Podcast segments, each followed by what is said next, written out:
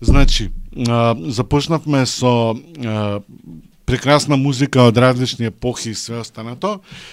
Потоа продолживме со глуми и сам од со песната Без срам од типито Втора слобода, едно одлично ипи и заедно за лейблот на глуми Матра Куки. Матра Куки е интересен лейбл кој што издава супер музика на касети. Па потоа јас зборев дека слуш, дека имаше Grammy Awards и дека многу ми е драго што Хани Ди Джонс, транс активистката и диджејка освои Греми. Она ја помести Чикаго хаус музиката на еден подруг левел. Буквално со албумот на Бионсе направија хит. Може да не сте фан на Бионсе, не сум нијав толку голем фан на Бионсе, али стварно е албумов добар е, е птен последен. Последниот албум е стварно добар. Па потоа продолживме со Казен, австралискиот артист, австралискиот артист Казен и песната Pistol Shrimp издадена во 2022. Па потоа да ја слушнеме нашата комшика од Приштина Кендреса, уствари она е од Лондон. Дури тоа го пее, дури тоа го пее у песната дека е дека Майкли Албанка, она е од Лондон и све останато. Кендреса е една фантастична артистка. Се надевам дека ќе имаме прилика да ја слушнеме некато Скопје или пак у Приштина или whatever. Многу беше интересно, дека беше COVID локдаун, газеше у Приштина, некако, пошто ние на Балкан некако не бевме толку заглавени као што беа сите у Европа, и некад постира сторинга цело време као гази у Приштина, се журка, пушта музика, се останато на цел свет на локдаун многу, многу интересно. Значи, кога сме кај Греми, Стив Лейси, а, кој што ќе слушнаме после исто така има а, добил награда за Греми или беше номиниран. Не, не можам сега да, да прочитам. Хери Стайлс видов дека видов дека исто освоил Греми, албумот на Хери Стайлс е птен добар. Значи, идеме со локалниот артист Михаил Пи, Михаил Пи е исто еден одличен артист од а, Делчево. Да, од Делчево, извини Михаил ако сгрешив каде живееш. Многу добра музика прави, многу добри миксови снима, нака пептен современо, некој модерен драмен бейс, ако можам да го кажам, или шо и да е. Значи, пробуваме малце по тивки утра, да уживаме, да некако да се навлечеме работниот ден да ни пројде многу подобро. После Михаил Пи ќе ослушнеме Стив Лейси со Bad Habit, албумот Gemini Rides е ептен добар, кој не го слушнал, обавезно да го слуша. Стив Лейси е фантастичен артист кој што буквално е инди. Почна да снима музика на својот мобилен телефон, за денеска некав да стане сериозен и голем артист, кој што многу многу добро котира у моментов, се надам дека нема да се изговња као сите тие нови артисти што се појавуваат и за кратко време стануваат шит.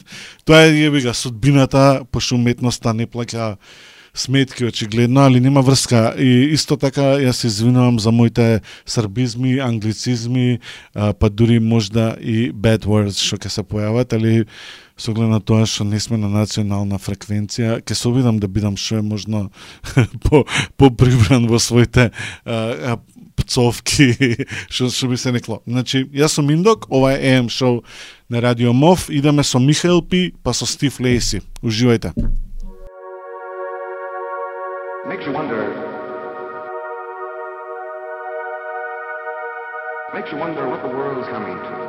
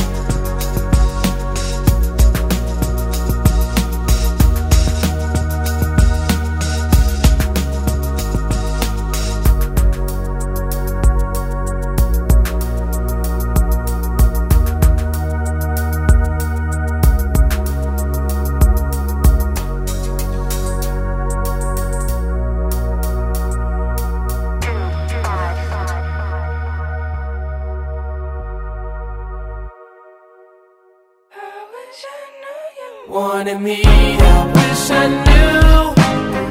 I wish I knew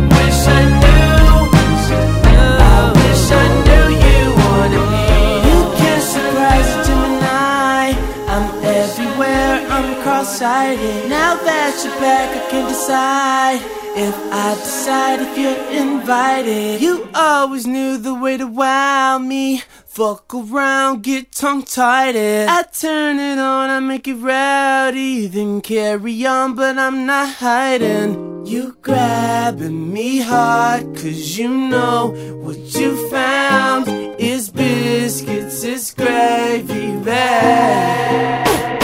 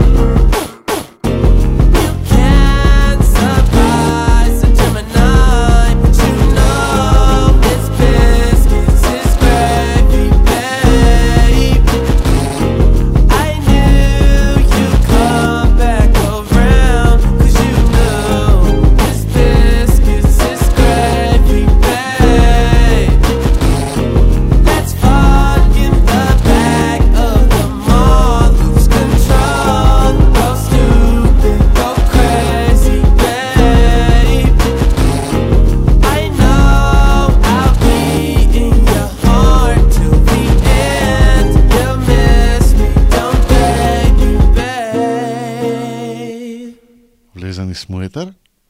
Стив Лейси, само што гледав видеа на Инстаграм од Grammy Awards, Хери Стайл прилично изненаден за Гремито.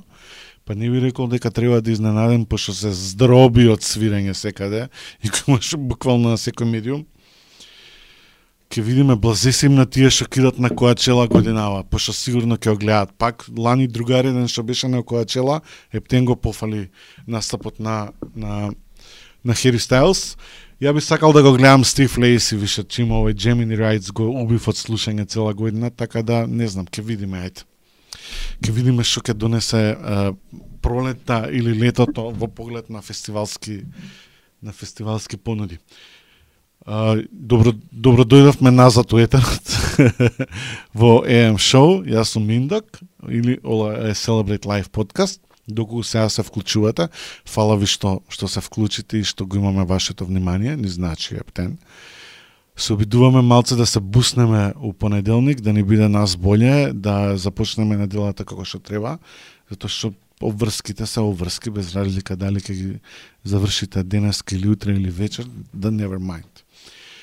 Идеме сега со LCD Sound System New Body Roomba за од филмот White Noise, не сум го гледал уште филмов, а многу ми се свија филмов башка многу добар текстов пошто јас се фурам да почнам да вежбам више а, с- пет месеци, вежбам два дена па прекинува ми се останата, така да ова е многу добра добра песна и текстот е птен добар.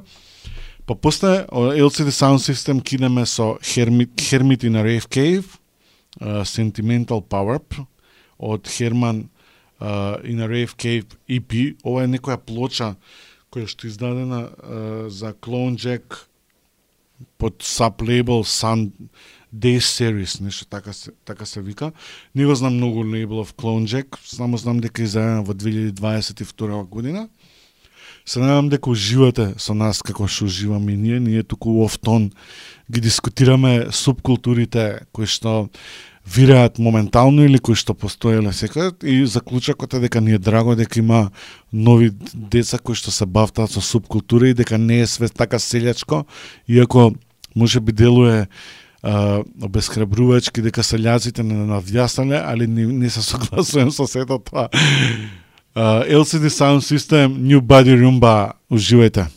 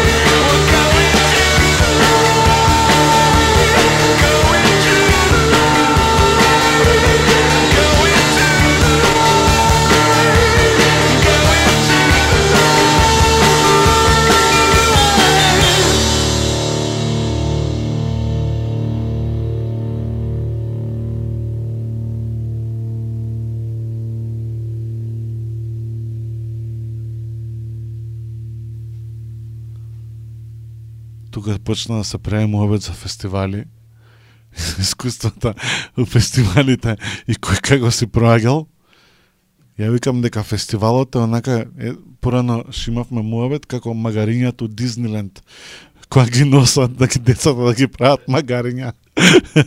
и така устори тоа те води цела година. Да, мораш да преживееш некако, тоа е тоа. Идеш, идеш се забавljаш, слушаш музика да преживуваш. Фала ви на сите што ни пишувате дека не слушате, не значи, фала ви многу. Се надевам дека уживате. Ние тука у Офтон преме муавет и контане дека добро ни е уствари се, се това. А, тоа беше Hermit in a Rave Cave, Sentimental Proverbs, издадено за Clone Jack во 2022. А сега кога го слушнам, значи, кога сме ке Греми, јас сто пати се навракам и никако да дочитам.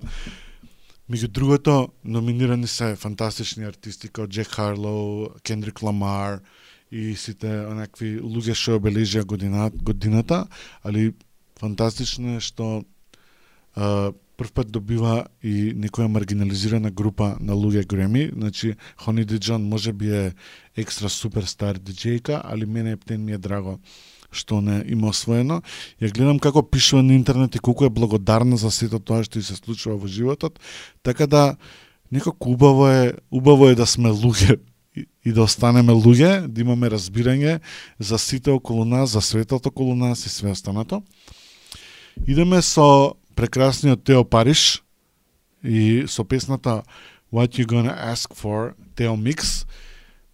Тео нема да дојден у Европа кузна од кога. Сега видов дека НТС радио ќе прави евент у Лондон и го, го имаше Тео Париш на лајнапот и после две недели објавува он стори на Инстаграм и вика не сме се договориле за capacity of the people. И као не, не го потврдува настапот, али тоа е, тие се такви специфични супер звезди што ете, имаат и своји барања и тоа е тоа. Значи, Тео Париш е еден прекрасен артист со богата историја околу него, джезови до фанкови до све и свано, све и свашта. Ако никогаш не сте имале прилика да се запознаете со неговото творештво, ја ептен ви препорачувам да го направите тоа. Па потоа ќе одиме да го слушнеме Греми, нешто од Греми албумот на годината Harry Styles, ќе слушнеме As It Was, па потоа се враќаме. Сега може го, го тупам вака со артистите и све останато, али па тоа е у моментот што ми текнува што сакам да зборам. Имам некој подточки сценарио, али некам да го правам тоа така да звучи како некој бот што зборува. Поздрав до сите вас таму што не слушате. Јас сум Индок, ова е AM Show.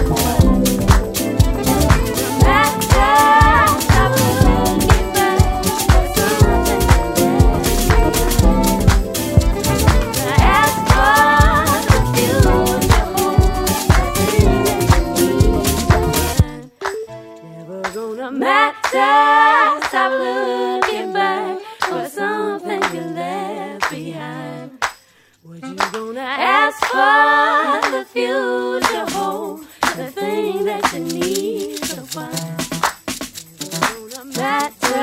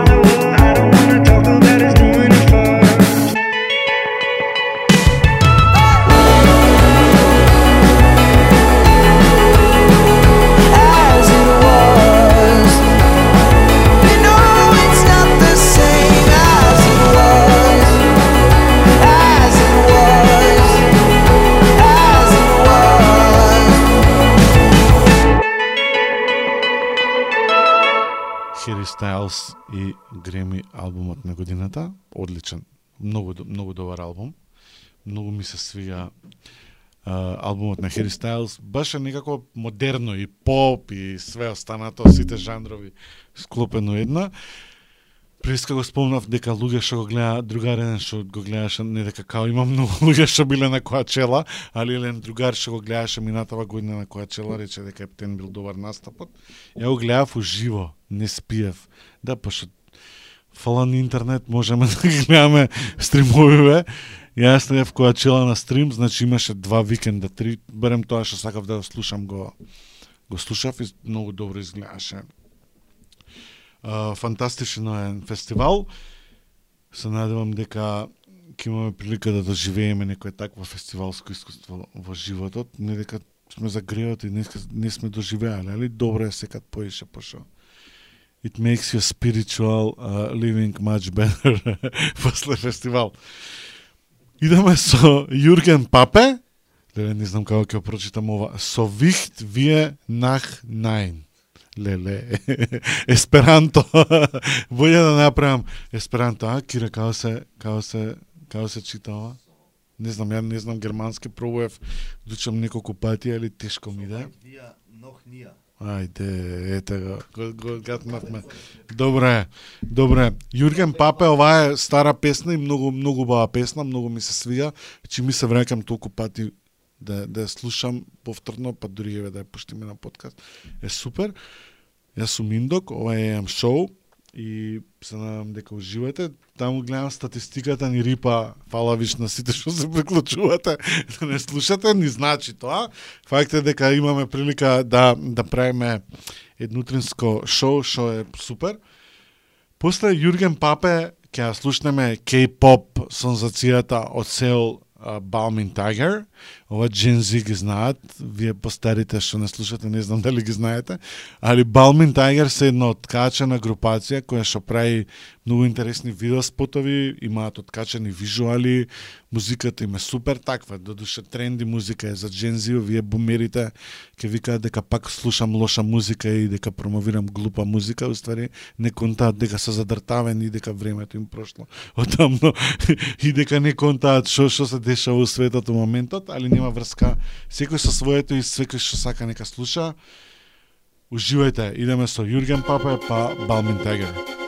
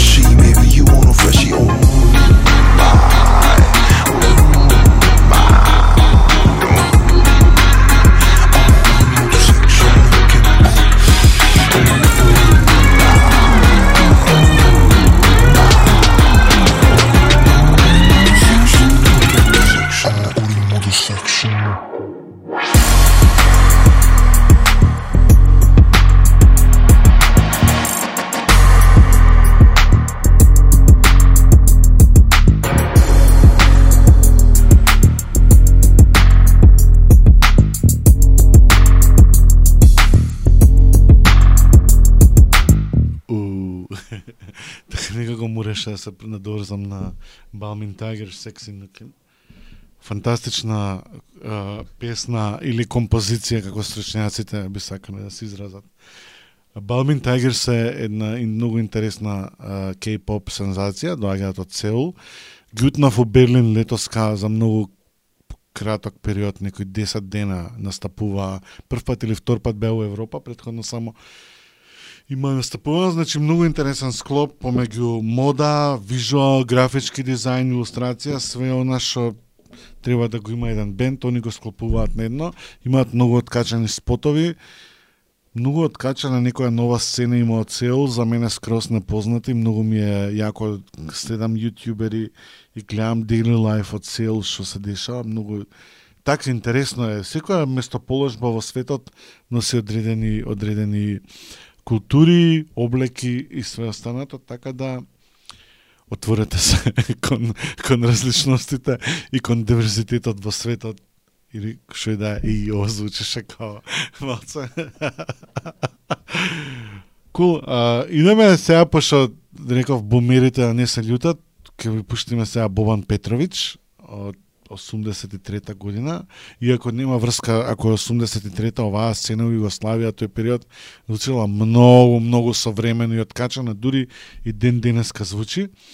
Метрологи од Бобан Петрович е, ќе а после тоа ќе ги слушнеме одличните The Whitest Boy Alive, кои што имав прилика да ги гледам еднаш во живо, свира заедно со нашите Бейда Фиш, добро, веќе не постоечки Beta Фиш али свира во Белград И тоа беше, може би, прв пат што дојде на Балканот, и не, лажам.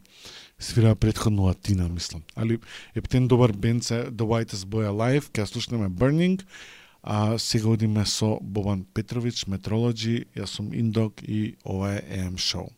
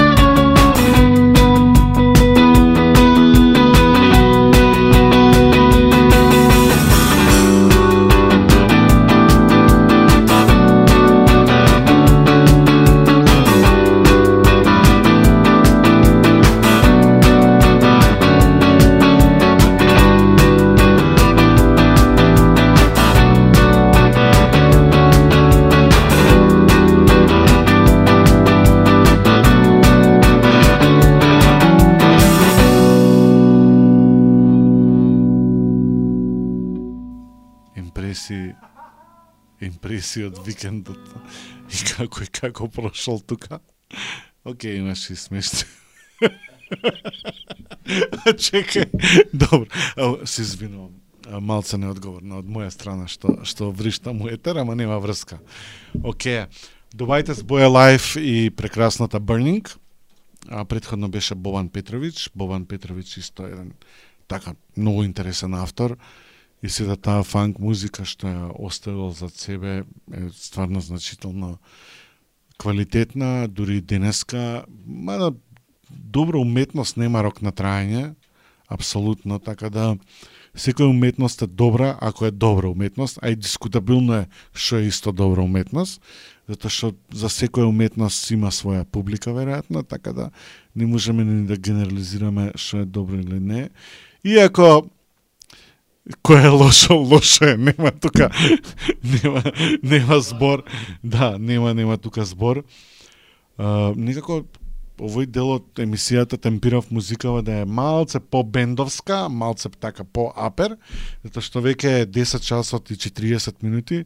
Можда некој шмугнал на пауза или дискутира кај ќе да на пауза.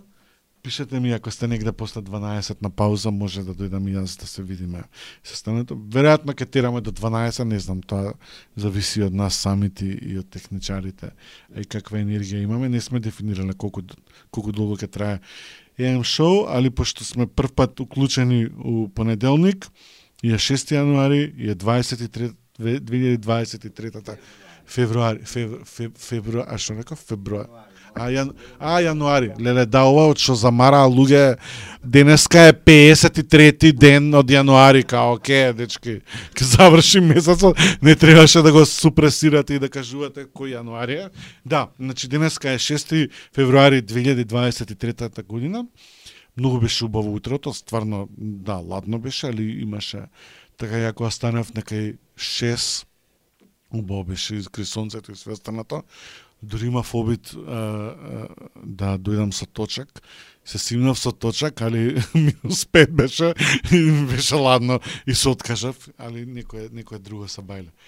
Значи се надевам дека живеете со нас а, утрово, дека ви правиме малце поинаков понеделник.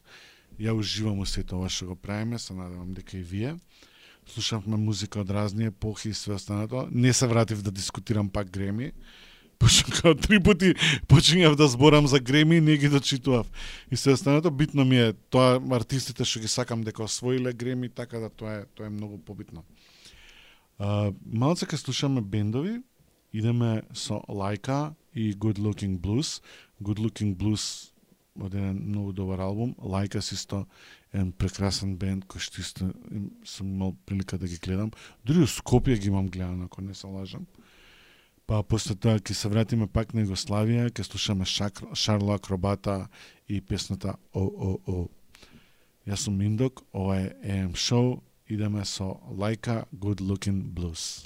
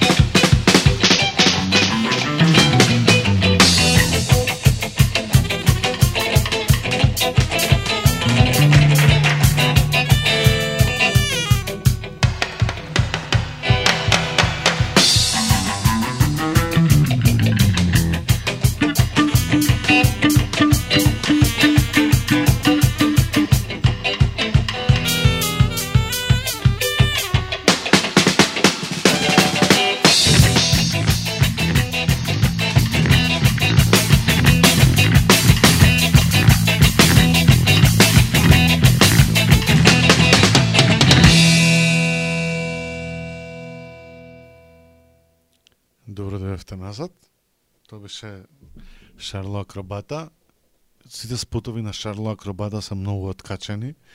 Дури онака премодерни и пред своето време, дури денеска се модерни.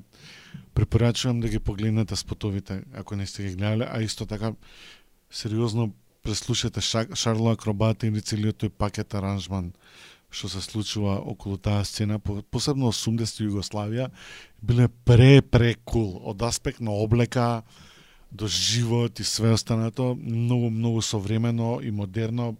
Малтене денеска овој ревајвал што се случува, можеме да ги погледнеме. Посебно облеката како изгледа во 80-тите во Југославија е прилично откачана. Мислам, тој панк фазон денеска ќе сретнете на милион кетвокс и све останато.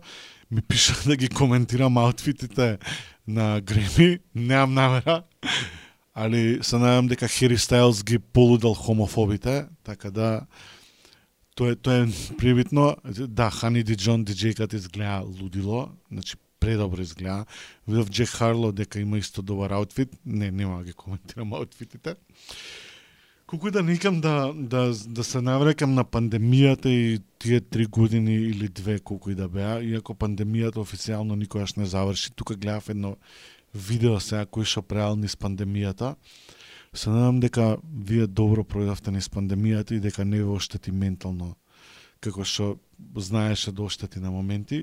Ја моето куче тогаш уште беше живо и возеше е, количка, wheelchair и благодарение на него јас се шверцав у полициски час. Значи ние кучкарите малце бевме привилегирани за разлика од, од другиот свет. Кучињата стварно ти го прават животот поубав, али у пандемијата ни помагаа да искачаме.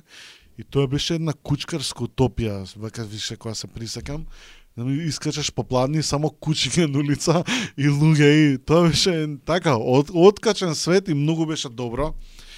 Деновиве е актуелно убивањето на животни и многу ми е жал сето тоа што се случува и се надевам дека нема тие состојби да продолжуваат и дека полицијата ќе ги казнува и дека ќе ги санкционира луѓето затоа што знаеме ако си спремен да убиеш животно туку така со оружје, ти си спремен да убиеш човек и тоа буквално не е добро.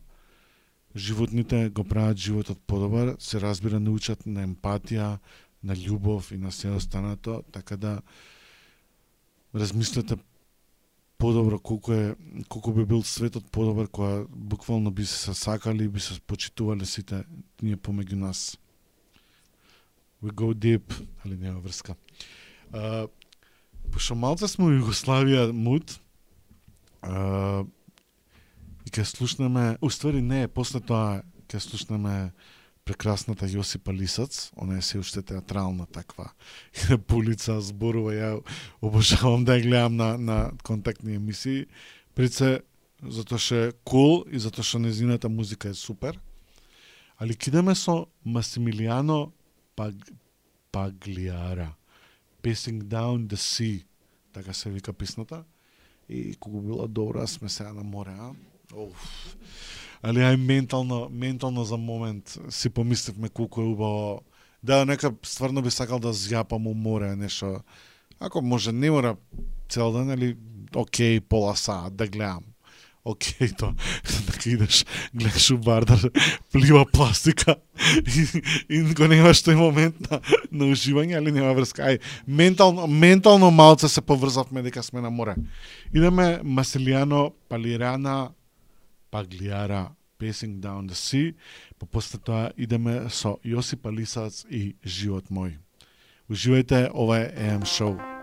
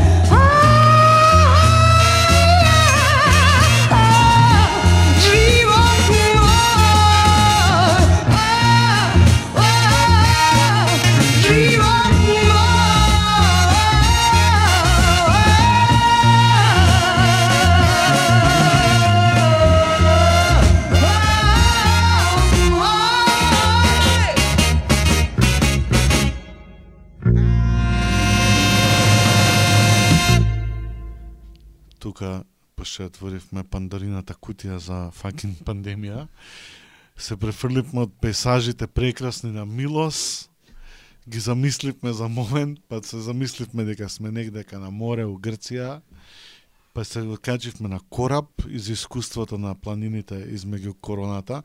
Да, помеѓу другото, добро беше у короната, што сите станавме и планинари, и точкари, и све останато, али мене ми беше тоа супер драйв. Ја точакон го искршев од возење. Значи, буквално, точакон ми изведи цела пандемија да не пролупам, покрај кучено што се шверцавме, нели? Али, али точакот беше невидена момент и супер беше тој аспект беше супер, да не го зборам лошиот аспект и све останато. Јосип Алисац, живот мој, денеска не знам оваа доба на self-approval и обседнато со себе си, со инстаграмите и глумењето, сите срекни и задоволни и богати и све останато, не знам како би се протолкувала живот мој денеска, затоа што Јосип Алисац пие за една состојба која што наживее самата со себе, за осаменоста, за сите останато. Не знам оваа песна колку е денеска коректна. Затоа што живееме во ера на фейк позитивити и на фейк проекции и презентирање на себе си во некое непостоечко светло на интернет и Инстаграм животи, така да not sure about it, али супер, одлична песна, Јосип Алисац е драма, нека гледаш интервју и се воодушевуваш колку е она уникатна и своја и посебна, така да работете на себе. Таму никад не е доста и секад има простор за да се работи на себе. Uh, Idols се бендот кој што исто беа номинирани за Греми, сега гледав сториња у нив да доека правевме мовет за, прекса... за прекрасните песажи на морската широчина. се надевам дека уживате во понеделник со нас, како што ние уживаме, тука милион теми свртевме во етерот, веројатно некад ќе го упалиме микрофонот, па ќе иде све у етер, не сакајки, па ќе можете да и вие да, да ги слушате тие работи. А, идеме со Spoon и Hot Toads и после тоа идеме со Wax Switch. Ова е една кратка, многу интересен артист е, Wax, лондончанец е, многу добар. А пошто е краткото од, од Wax, слушнеме Hercules and Love Affair, My House. Hercules and Love Affair или Енди Батлер ми беше гостин, имавме среќа, кој беше у Скопје и организаторите ни така се согласија да дојде кај мене на подкаст, многу многу интересен подкаст, така не сте го слушнале, просурфајте го, можете да го уживате, па после тоа се враќаме повторно назад во етерот. Јас сум Индок, ова е AM Show Celebrate Live подкаст на Радио МОВ.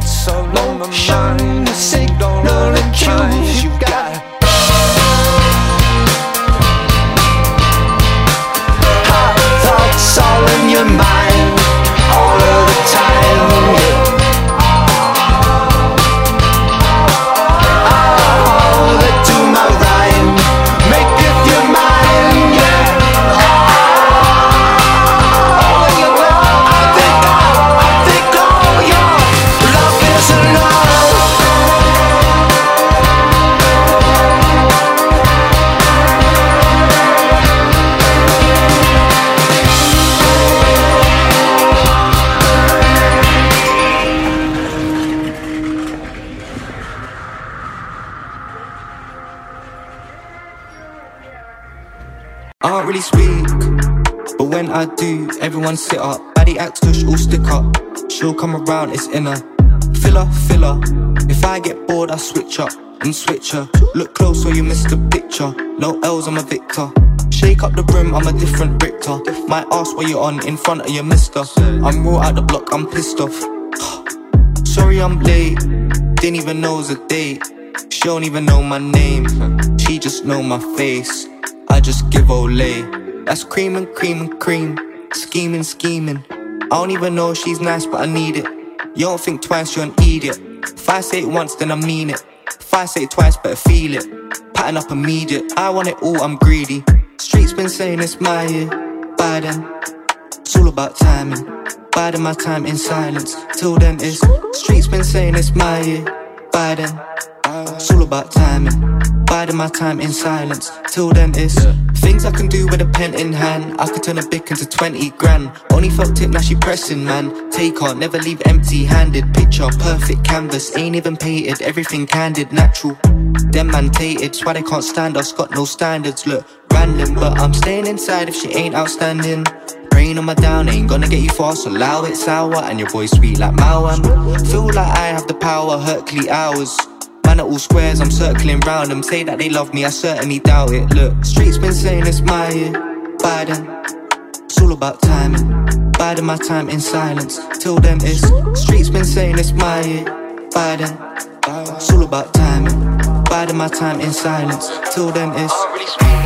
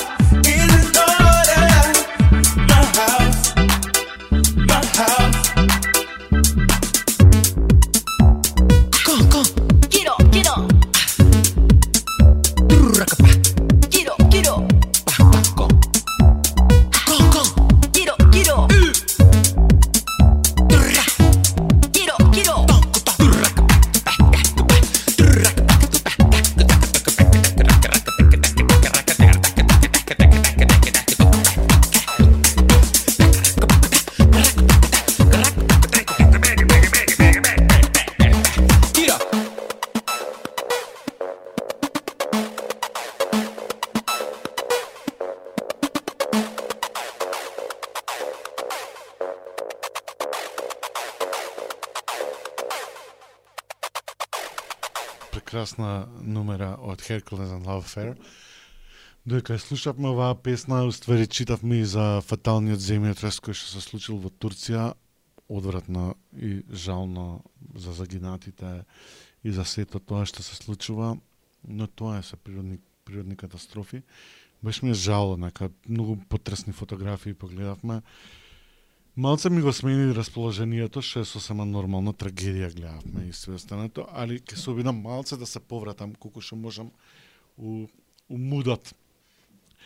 Слушавме Wax Switch од uh, фабрик миксот на Леон Вайнхал, Одличен, одличен фабрик микс, ке, ке го слушаме некоја емисија сигурно. И потоа го слушавме uh, Херкулес го слушавме. Ке кажав Енди од Херкулес and Love Affair. Ми се измеша малце мислата. Слушнавме Херкулес and Love Affair од албумот uh, Blue Songs. Многу добар албум. Значи целиот е таков house revival, дури spot of Epten, 80s, наков ствари не, 90 и аеробик ерата многу многу откачена откачена ера аеробик. Ерата уствари во Њујорк не знам дали сте имале некад видеа. И какви се они експресивни кога кога вежбаат аеробик на телевизија така откачена откачени се сите ери кои ќе видиш вака и од аспект на социјално обкружување и се останато многу многу интересно. А сега ќе слушнеме една песна која што ми беше сега лудило да ја слушнам посебно са Бајле у 4 или у 5 на подиум, многу добар албум беше овој целиот на Гај Гербер. Ние сега ќе слушнеме песната Belly Dancing, која што е албум верзија, има и клубска, клубска верзија на оваа песна, али многу добра песна. Ја сега ме навраќа на некои епохи, искачање на подиум и све останато, бога ми одамна и не ме разденило да искачам. Од подиум заедното искачање нешто се отидов од 3 сат и ми се слошија цигари, ради тоа уствари се отидов, не дека може и ке седе во клуб, поише, ама нема везе. Значи имаме Гај Гербел, Гај Гер, Гербер, Бели Денсинг, после тоа, пошто го видов Фарел, исто на Греми, ке слушнеме Nerd и песната Hypnotize You, pa se vraćamo u etar povtorno. Ovo je AM show so Indok na Radio MOF.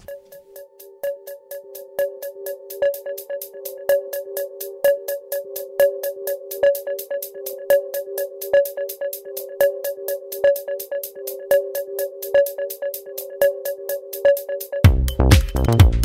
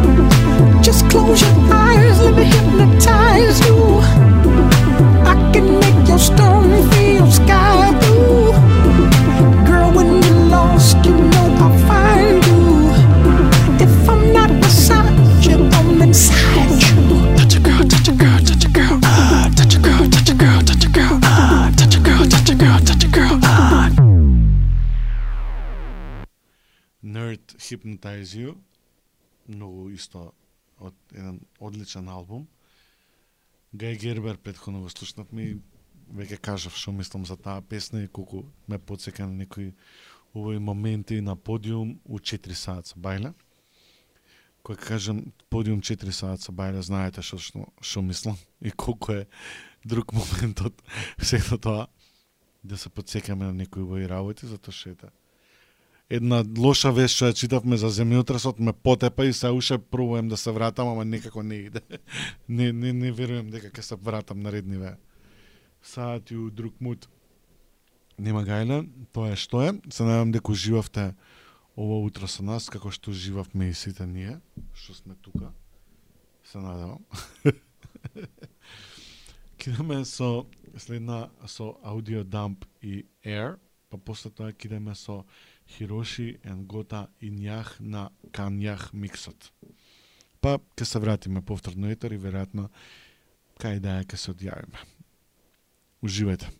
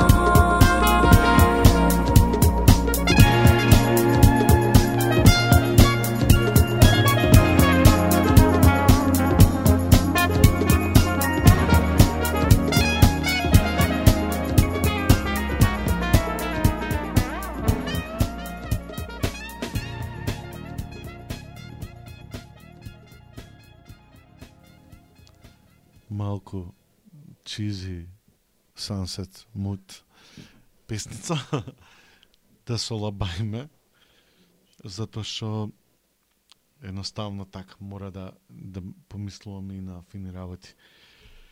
Пополека привршуваме со оваа премиерна епизода на AM Show на Celebrate Live Podcast. Ви благодарам на сите, на, на сите вас што бевте тука со нас ова сабајле. Се надевам дека уживавте и дека повторно ќе се слушнеме наредниот понеделник. Ќе завршиме со Turnstile and Mail Grab, една многу интересна EP. Turnstile се еден многу откачен хардкор панк или што и да е бенд. Меѓутоа ова EP е прилично такво електронско и многу поразлично звучи. Али мислам дека нема да завршиме со Turnstile, дека ќе завршиме со Pet Shop Boys Left to my to my, left to my own devices. Некако сакам да ја слушнам исто и таа песна, така да таа ќе ни биде задњата после Turnstile. Уживајте во остатокот од денот, држете се, почитувајте се, сакате се, работете на себе, помогнете и на животната средина, немој да бидете кретени, сите луѓе проаѓаат низ секакви срања, немој да бидете одвратни према себе и према другите, имајте разбирање и останете во добро расположение, се слушаме наредниот понеделник. Чао!